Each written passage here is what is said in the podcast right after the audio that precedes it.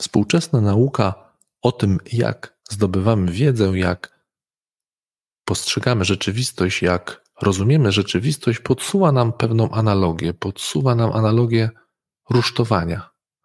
Otóż w tym ujęciu zdobywana wiedza to jak budowanie ogromnego, ogromnego rusztowania, gdzie w ciągu życia krok za krokiem dokładamy kolejne elementy, ale co istotne, do już istniejących struktur. Zatem nigdy nie dzieje się tak, że zdobyta wiedza, nawet jeśli bardzo rewolucyjna, nigdy nie burzy nam już poprzedniego porządku. Może nim mocno wstrząsnąć, ale nie burzy. I ja dziś o takich dwóch myślach, co przeczuwam, że mogą mi nieco namieszać w mojej strukturze, w mojej właśnie budowli.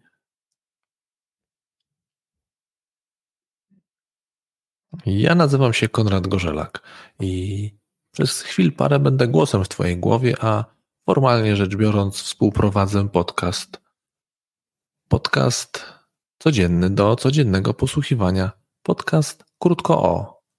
Dziś krótko o myślach, co to właśnie na owo rusztowanie się wspięły. Podzielę się, pozwól, drogi słuchaczu, paroma fragmentami z dwóch książek, z dwóch książek, które przyszły do mnie jednocześnie. Podzielę się nimi, bo może i one Ciebie w jakiś sposób poruszą. Tak sobie pomyślałem, bo jak wspomniałem na wstępie, ja przeczuwam, że one, że one zatrzęsną, poruszą moje rusztowanie.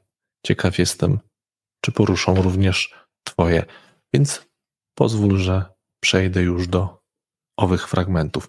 Pierwsza pozycja to książka Ernesta Gellnera.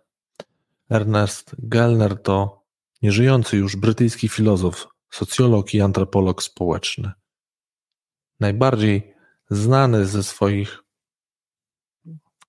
myśli dotyczących nacjonalizmu, ale rozprawiający się również w swojej twórczości, swojej umysłowej twórczości, myślowej twórczości z psychoanalizą.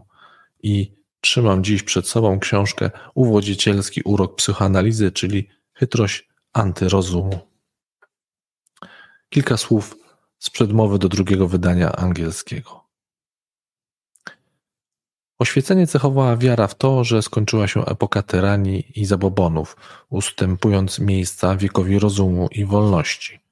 Dotąd żyliśmy w ucisku i w oparach fałszywych przeświadczeń, teraz jednak zbudujemy porządek społeczny, w którym królować będzie prawda.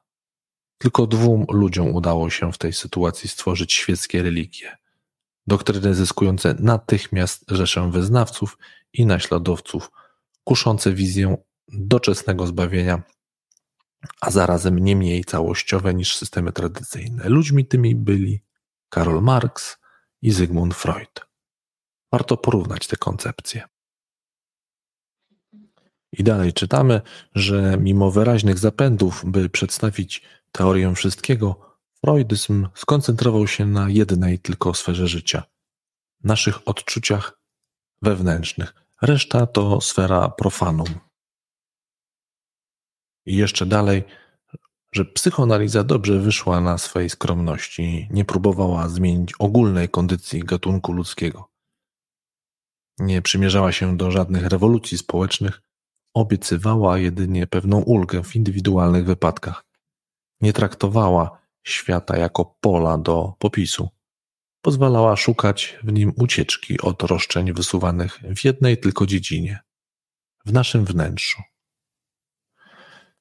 I właśnie dlatego idee Freuda są wciąż żywe wśród wykształconych warstw kraju Zachodu. Psychoanaliza nigdy nie była i nadal nie jest doktryną dominującą związaną z najwyższym autorytetem i władzą w społeczeństwie. Stanowiła i stanowi rodzaj ideologicznego podsystemu świadczącego specjalne usługi. W tym wypadku niesienie pociechy nieszczęśliwym – na które w ideologii oficjalnie zabrakło miejsca. Nie zrozumiemy obecnego świata, jeśli nie rozszyfrujemy zasad, na jakich działa żywiołowo rozwijający się ruch poradniczy. Zacząć zaś trzeba od wierzchołka góry lodowej, od pierwocin ruchu. Im właśnie poświęcona jest niniejsza książka. Kwiecień 1993 Ernest Gellner. Dlaczego o tej myśli? E, sam w swoim zawodowym życiu już nieraz mierzyłem się z całą ofertą poradnictwa, psychoterapii i rzecz jasna e, samej psychoanalizy. Pewnie jeszcze w niejednym krótko o, o tym wspomnę, a może w jakiejś dłuższej formie. Natomiast to, jak o tym pisze Gellner, jest nowym ujęciem. I myślę, że po kolejnych dziesięciu latach, odkąd sam pożegnałem się z tym nurtem, czas zmierzyć się z tymi myślami ponownie. Także Ernest Gellner, uwodzicielski urok psychoanalizy. A z drugiej strony na moje rusztowanie wspina się inny autor, tym razem Byung-Chul Han, o ile dobrze czytam nazwisko owego urodzonego w Korei Południowej niemieckiego filozofa i teoretyka kultury. Jest obecnie jednym z najczęściej tłumaczonych i czytanych filozofów w Europie.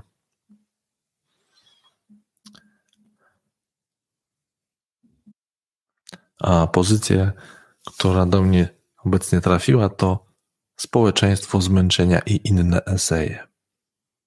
Pozwólcie, że również podzielę się dwoma fragmentami.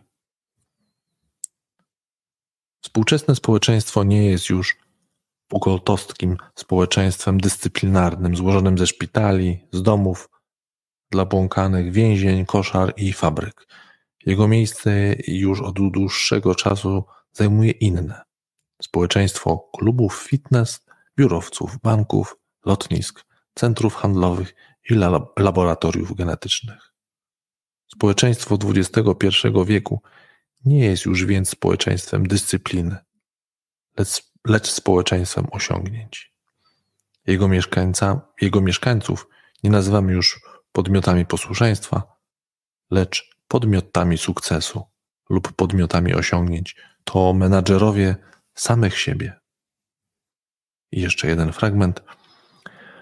Podmiot osiągnięć jest wolny od zewnętrznej instancji władzy, która zmuszałaby go do pracy czy wyzyskiwała. Jest panem i władcą samego siebie.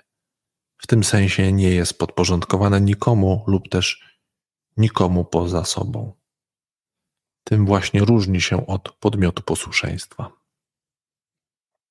Zniknięcie instancji władzy nie prowadzi jednak do wolności, powoduje raczej stopienie się wolności i przymusu. Tak podmiot osiągnięć ulega wolności przymuszającej lub też wolnemu przymusowi maksymalizacji osiągnięć. Nadmiar pracy i osiągnięć przeradza się w samowyzysk. Jest on bardziej wydajny niż wyzysk zewnętrzny, gdyż łączy się z poczuciem wolności. Wyzyskujący jest jednocześnie wyzyskiwanym. Sprawca i ofiara nie dają się od siebie odróżnić. To autoreferencyjność wytwarza paradoksalną wolność, która na gruncie swych struktur przymusu zamienia się w przemoc. I przyszło tych dwóch autorów do mnie.